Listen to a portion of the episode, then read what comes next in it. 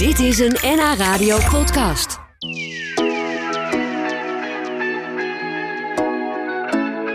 Journalist Bert Dijkstra is bij mij te gast. Uh, daar ben ik erg blij mee. Hij werkt al 38 jaar voor uh, De Telegraaf. En je kent hem natuurlijk. Oh, je hoort hem al aanstommelen. Ja, hey, ja. hallo Bert. Zit, alles goed? Ver, vernachelen, geloof ik. Niet de, boel hier vernachelen. Nee, Eh, nee, precies. Ik was net aan het zeggen dat ik leuk vind dat je er bent. En eh, dat we jou natuurlijk ook kennen van ons eh, radioprogramma Het Sportcafé met Leo Driessen. Ja. In het weekend altijd. Ehm, en jij hebt bijzonder net je derde boek gepubliceerd. Dat heet Annelie, verbinder tussen zwart en wit. Het is een fascinerend verhaal van een blanke Zuid-Afrikaanse boerendochter, Annelie Bronkhorst. Ehm, wat mij opviel in het voorwoord, geschreven door Catherine Keil, ehm, schreef Catherine... het zal nog heel lang duren voordat we normaal naar Afrikaanse landen kunnen gaan kijken. Wat, wat bedoelt zij daarmee? Nou, dat, dat met name Nederlanders nog wel eh, een handje van hebben om eh, snel een beeld te hebben en, en ook een oordeel te hebben over iets wat in de andere kant van de wereld gebeurt. En dat wordt niet zo snel gecorrigeerd. Of het moet zo zijn dat mensen dus die daar vandaan komen, hier komen en dan daarmee geconfronteerd worden. En dit is in het geval van Annelie heel erg duidelijk gebeurd. Zij kwam hier met het beeld van dat ze dus heel erg, eh, ja, toch wel overtuigd was van, van de democratie hier. Dat enorm, zag ze enorm naar, naar uit, keek ze enorm naar uit. En toen kwam ze hier en toen werd ze toch wel redelijk geconfronteerd met, eh, met de keerzijde daarvan. Dat mensen eh, onmiddellijk klaar stonden om mensen te veroordelen. Dat Zij, zij, zij is zelfs met eieren bekogeld omdat ze, omdat ze blank was. Terwijl ze het hele leven bezig is geweest om juist te verbinden te zijn tussen zwart en wit. En als je ook kijkt naar haar vader, dus een blanke boer in Zuid-Afrika, die, had, die bouwde zelfs een, een schooltje voor zwarte kinderen Ja. op zijn terrein, iets wat niet mag. Eh, ehm, ja, dus zo zwart-wit lag het helemaal niet. Nee, Maar voor die nuances was in Zijn Nederland helemaal geen plek, bedoel je? In haar kindertijd is ze dus ook helemaal niet, eh, niet gekeken naar, naar apartheid. Want ze, ze- haar beste vriendin was een zwart meisje.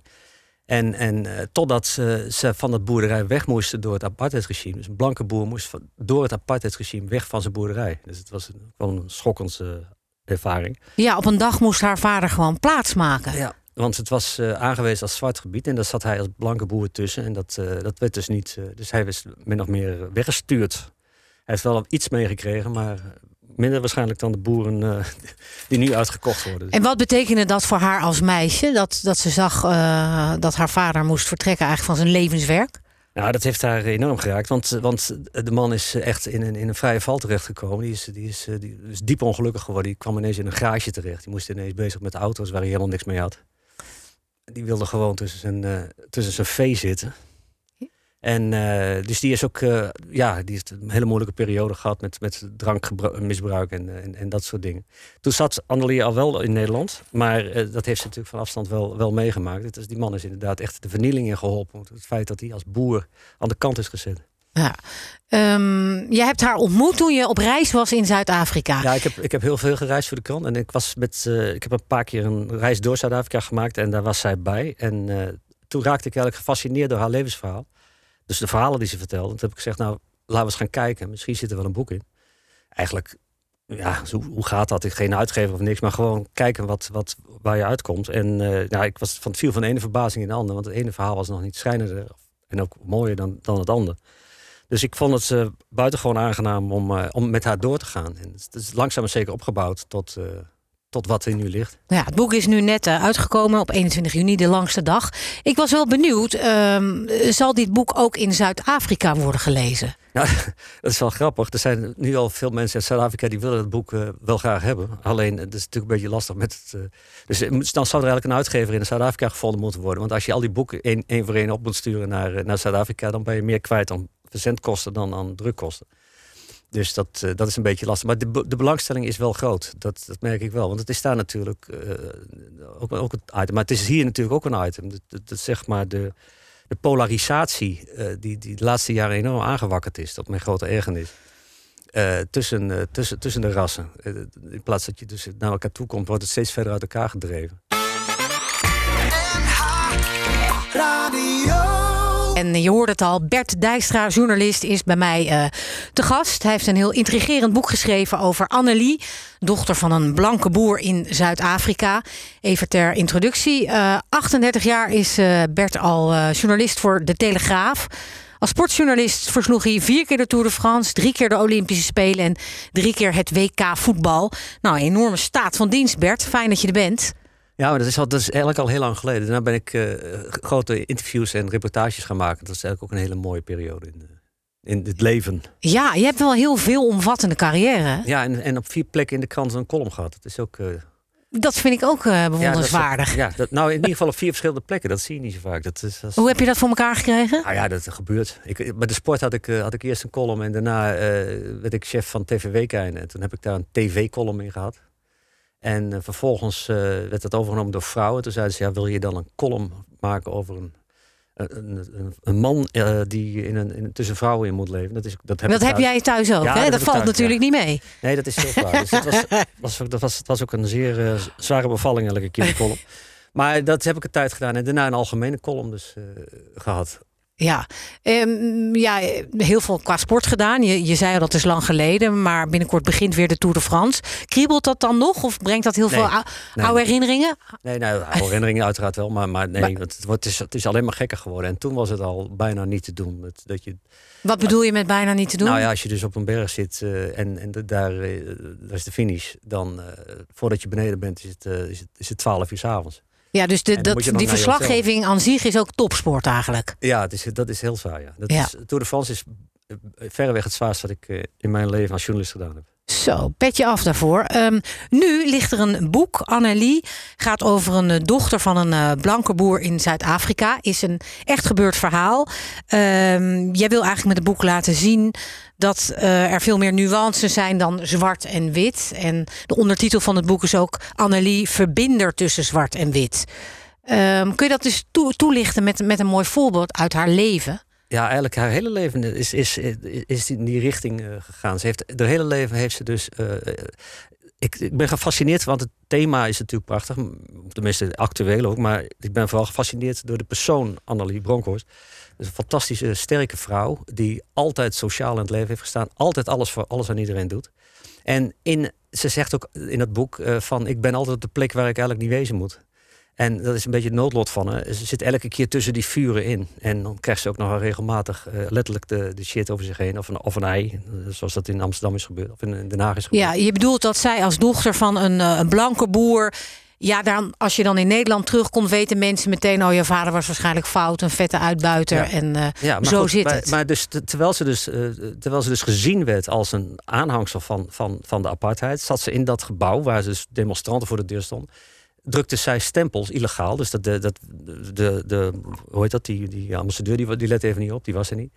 En toen heeft zij dus gewoon een stempel voor een journalist erop gezet, zodat die journalist naar haar land kon om te kijken van wat er werkelijk aan de hand was. Want zij zegt van ja, het moet eens een keer afgelopen zijn met, met, dat, met dat gedoe. Dus zij heeft in feite, was ze de rebel op de, was ze de rebel op, uh, op, de, op de ambassade.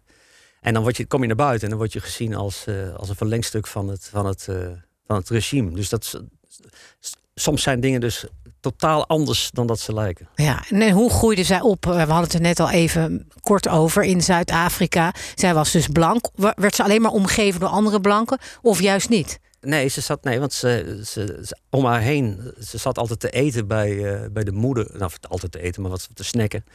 Uh, in het veld uh, bij de moeder van haar beste vriendinnetje. Dat was Anna en dat was een zwart meisje. Die moeder was ook zwart en die vader had een zwart schooltje, zwarte man. Alleen het was natuurlijk wel zo, niet idealistisch uh. Die vader kon het ook niet voorkomen dat zij, hij zijn dochter iedere dag in de bus zette naar, naar een schooltje. En dan die zwarte kindjes konden dat niet. Nee, dus maar was... die vader heeft toen een, een, een, eigenlijk op zijn eigen terrein, iets wat niet mocht, een schooltje opgericht ja. voor, de, voor de zwarte kinderen. Ja, daar heeft ook speciale onderwijzeres voor aangenomen. En het was dus gewoon eigenlijk een, uh, ja, een soort, soort uh, op, op het erf was dat een eigen schoolsysteempje. Ja, dan komt er een dag. Uh, dus die, die vader was eigenlijk, probeerde juist heel erg zijn best te doen om een goed mens te zijn voor iedereen. Of dat, dat ging kennelijk ook wel vanzelfsprekend. Maar dan komt er een dag dat hij zijn boerderij uit moet. Ja. Hoe, hoe gaat zoiets? Nou ja, er kwamen ineens mannen met pakken. En die kwamen even vertellen dat, dat duidelijk in, in de wet stond dat in de nieuwe wet dat, dat het niet was toegestaan als blanke boer om in een als zwart gebied aangewezen uh, uh, ja, gebied te zitten. Ja. En dus dat was kiezen of delen. Dat was, nou, was eigenlijk niet slechts te kiezen. Hij moest gewoon weg. En er was een bedrag voor afgesproken, maar dat was, dat was geen vetpot. Dus hij, ja, hij werd teruggeworpen op. hij moest een baantje. Dus op een gegeven moment heeft hij, geloof ik, met een familielid een, een garagebedrijf ergens proberen voor te zetten. En had hij daar op een bepaalde manier begrip voor, omdat er iets moest veranderen aan de verhoudingen in het hele land? Nee, want dat had niks met de verhoudingen in het land te maken. Want dit, dit was gewoon een, een gevolg van het apartheidsregime.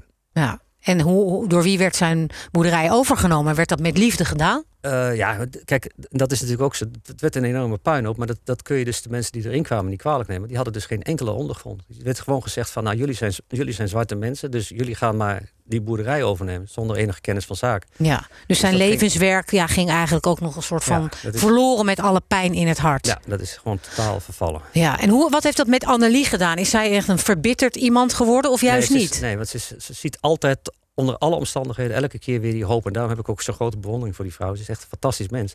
Uh, ze is uh, op de. Dus toen die vader wegzakte, dan zat zij op de, zeg maar, op de, op de universiteit. Nou, daar is ze ook een beetje gaan rebelleren. Kwam, kwam in, in aanraking met politieke tegenstanders van, van het regime. Toen is ze eigenlijk ook min of meer de richting ingeduwd. Van, ga jij, word jij maar diplomaat, want dan ben je in ieder geval uit het land weg. En dat, toen is ze dus als de jongste diplomaat uit de geschiedenis, geloof ik, van, uh, van de ambassade in Zuid-Afrika, is ze daar terechtgekomen. Daar is ze dus verder gaan rebelleren. Totdat ze er op een gegeven moment uitgegooid is. En toen is ze later weer opgedoken als. Uh, want daar was ze heel goed in, om het land te verkopen uh, voor toerisme. En dat was in het begin buiten. Dan krijg je dus weer die, die, die tegenstelling. Zij was dus bezig om, ondanks alles, te proberen om mensen de schoonheid van haar land te laten zien vanuit Nederland. En toen gingen alle deuren dicht, want het was Zuid-Afrika, dus dat deugde niet. En toen kwam Mandela en toen gingen ineens alle deuren open. Toen, toen was ineens dus alles, alle kritiek was weg en het was ineens het perfecte land. Dus haar leven en haar positie was eigenlijk heel voortdurend afhankelijk van maatschappelijke omstandigheden en hoe andere mensen naar haar keken. Ja. Ja, um, we gaan haar zo meteen even proberen te bellen. Waar woont zij nu eigenlijk? In welk land? Uh, ze, ze, zit uh, op dit moment is ze een beetje aan het. Ze is nu aan het trekken door Zuid. Uh, Zuid ze heeft eigenlijk niet een vaste. Ze is nu een beetje aan het, reizen door Zuid, Zuid-Europa. Ze is net terug uit Zuid-Afrika. Het is, het is, en ze heeft ook al gezegd, dat staat ook in het boek. Dat eigenlijk door, door alles wat er gebeurd is met de vader, dat ze altijd al iets heeft gehad van ik, heb, ik, sla mijn spullen wel ergens op en ik, en ik zie wel. Want ze, heeft zich, ze is, was zo gehecht aan die boerderij, daar moest je vandaan. Het heeft zoveel littekens bij haar achtergelaten dat ze eigenlijk uh, zelden lang op eenzelfde plek zit. Ze durft eigenlijk niet meer zo goed ergens te aarden. Uh, kan nou, ja, me voorstellen. Of, of dat nou durven is of, of niet meer willen, dat, dat, dat weet ik niet. Maar het is, ze is in ieder geval niet, uh, niet echt honkvast. Nee. En ze gaat straks weer terug naar Zuid-Afrika en dan, daarna misschien terug naar Nederland, weet ik niet. Maar dat, dat, ze is op dit moment in, e-, eventjes uh, aan het trekken door Zuid-Europa. nou, hoe zij zelf vindt uh, dat er nu een boek ligt over haar leven, geschreven door jou, dat gaan we haar zo meteen persoonlijk vragen.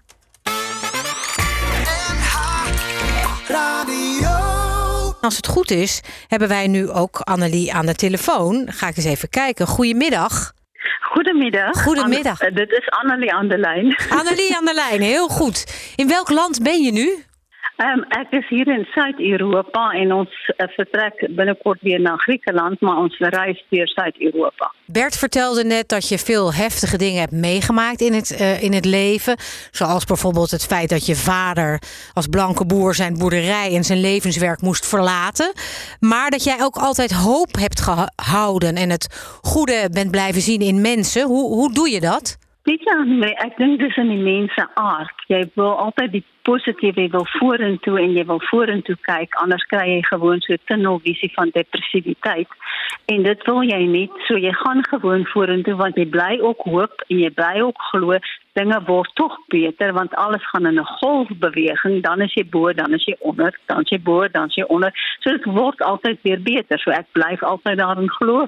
En dat is mooi. Het geloof in het goede. En ja, dat, dat, dat, is, dat is ook een kracht. Um, het Zuid-Afrikaans, kun je daar iets over vertellen? De taal. Ja, de taal. Um, um, Afrikaans is voor 200 jaar gesproken in Zuid-Afrika voordat het voor de eerste keer neergeskryf is aan de Marie. En dit wat toe, want daar was invloeden van die Maleise kant, destijds toe Jan van Riebeeck het hy slawe saamgebring en hulle het Maleis gepraat en ons het ook heel veel van ons ete kom van die mense met die kruide. So en dit is ook 'n invloed gewees. So die taal is byvoorbeeld heel kort. In Nederland sê jy wy hebben gegeten en Afrikaans sal jy sê ons het geëet. Ah ja, heel veel met ons, hè? Ja, Tot slot, tot slot kort, ehm, hoe, hoe vind je zelf het boek wat Bert eh, heeft geschreven? Want Bert is, is 'n vaardige man. Hy kan alles aan mekaar skryf. Ek was heeltemal verbaas geweest hoe alles, want hy ken my heel lank, maar hy het alles fantasties helder en die waarheid geskryf. So dis al wat ek kan sê. Hy is heel vaardig met die pen en hy's 'n fantastiese skrywer. Bert, je wil ook nog wel... Ja, Bert, we onderbreken ons maar, hoor. Ja, ik heb één vraagje, Annelie. Hi, goeie, goedemorgen trouwens, goedemiddag. Eh, eh, d- dit is eh, Radio Noord-Holland. Ik heb toch even nog een re- regionaal tientje eraan gegeven. Jij, hebt, jij was altijd heel erg gefascineerd door Amsterdam. hè? Je bent in Amsterdam gekomen. Wat, wat vond jij nou zo, jij als Zuid-Afrikaanse nou zo mooi aan Amsterdam? Weet jy Amsterdam was vir my toe ek as jong mens daar gearriveer het. Dit was so vry. Die kanale en die gragte is pragtig en die bruin kafees, die geselligheid. Amsterdam was toe vir my ongelooflik gesellig geweest. En jy weet julle heerlike kaas en al die wonderlike snacks, maar Amsterdam het vir my soveel geskiedenis ook gehad waarmee ek mee my kon assosieer met Suid-Afrika. So okay, dit is waar ons eintlik vandaan kom. Hier het die dinge gebeur en die geskiedenis, die mooi geboue, die gragte, die kanale, dit het net absoluut soveel sweer gehad. Ek het my dadelik aangetrokke gevoel. Mooi verteld over Amsterdam. Nou, ja, de verbinding is niet helemaal 100%, dus we laten het hierbij. Maar ik vond het heel bijzonder, Annelie, dat je even bij ons hier op NH Radio in de uitzending eh, was. Dank je wel daarvoor. Graag, het was heel leuk om van julle te hoor en sukses verder. Dank je Dankjewel, wel. Annelie. Doeg. Bert, tot slot, heb je al mooie reacties op jouw boek gekregen? Het zijn mooie reacties. Het zijn mensen die dit boek mooi vinden. Maar wat, wat, wat ik ook veel hoor is dat, eh, dat er toch gezegd wordt... Ja, ben je niet bang voor dat er allemaal mensen boos worden... en, en, en eh, Black Lives Matter eh, activisten dat die op je dak komen? Ja, dat, daar ben ik niet, absoluut niet bang voor. Want ik, dit is gewoon een zuiver boek. En, en als dat niet meer kan, als je dus niet meer de andere kant kunt eh, belichten... eh, hè, van de discussie die nu is, dat je zegt van... nou, we kunnen het ook eens iets van de andere kant bekijken... Eh, ja, dan hebben we een groot probleem in ons allen. Dus ik, ik ben daar niet bang voor, nee. Dat, voor- reacties die uit Nee, je, je, wil, je, je wil juist een beetje de confrontatie misschien aangaan. Nou, nee, ik, ben, ik, ben- Discussie. ik, ben, ik zoek geen sensatie. Maar Nee, ik, ga, nee, ik, ga, ik ga het ook niet uit de weg. Want Nee. ik, ik, vind het, ik vind het namelijk eh, eh, dat, we, dat die discussie, zwart-wit, dat die zo gepolariseerd is dat het een hele ongezonde vorm is gaan aannemen. En ik vind dit een, een, een gezond antwoord op, op die discussie die nu aan de gang is. Niet omdat ik het geschreven heb, maar omdat zij het verteld heeft. Heel duidelijk. Annelie, verbinder tussen zwart en wit. En Bert, ik dank jou heel hartelijk. Heel Dankjewel. fijn dat je er was. Dit was een NH Radio podcast. Voor meer, ga naar nhradio.nl. Radio.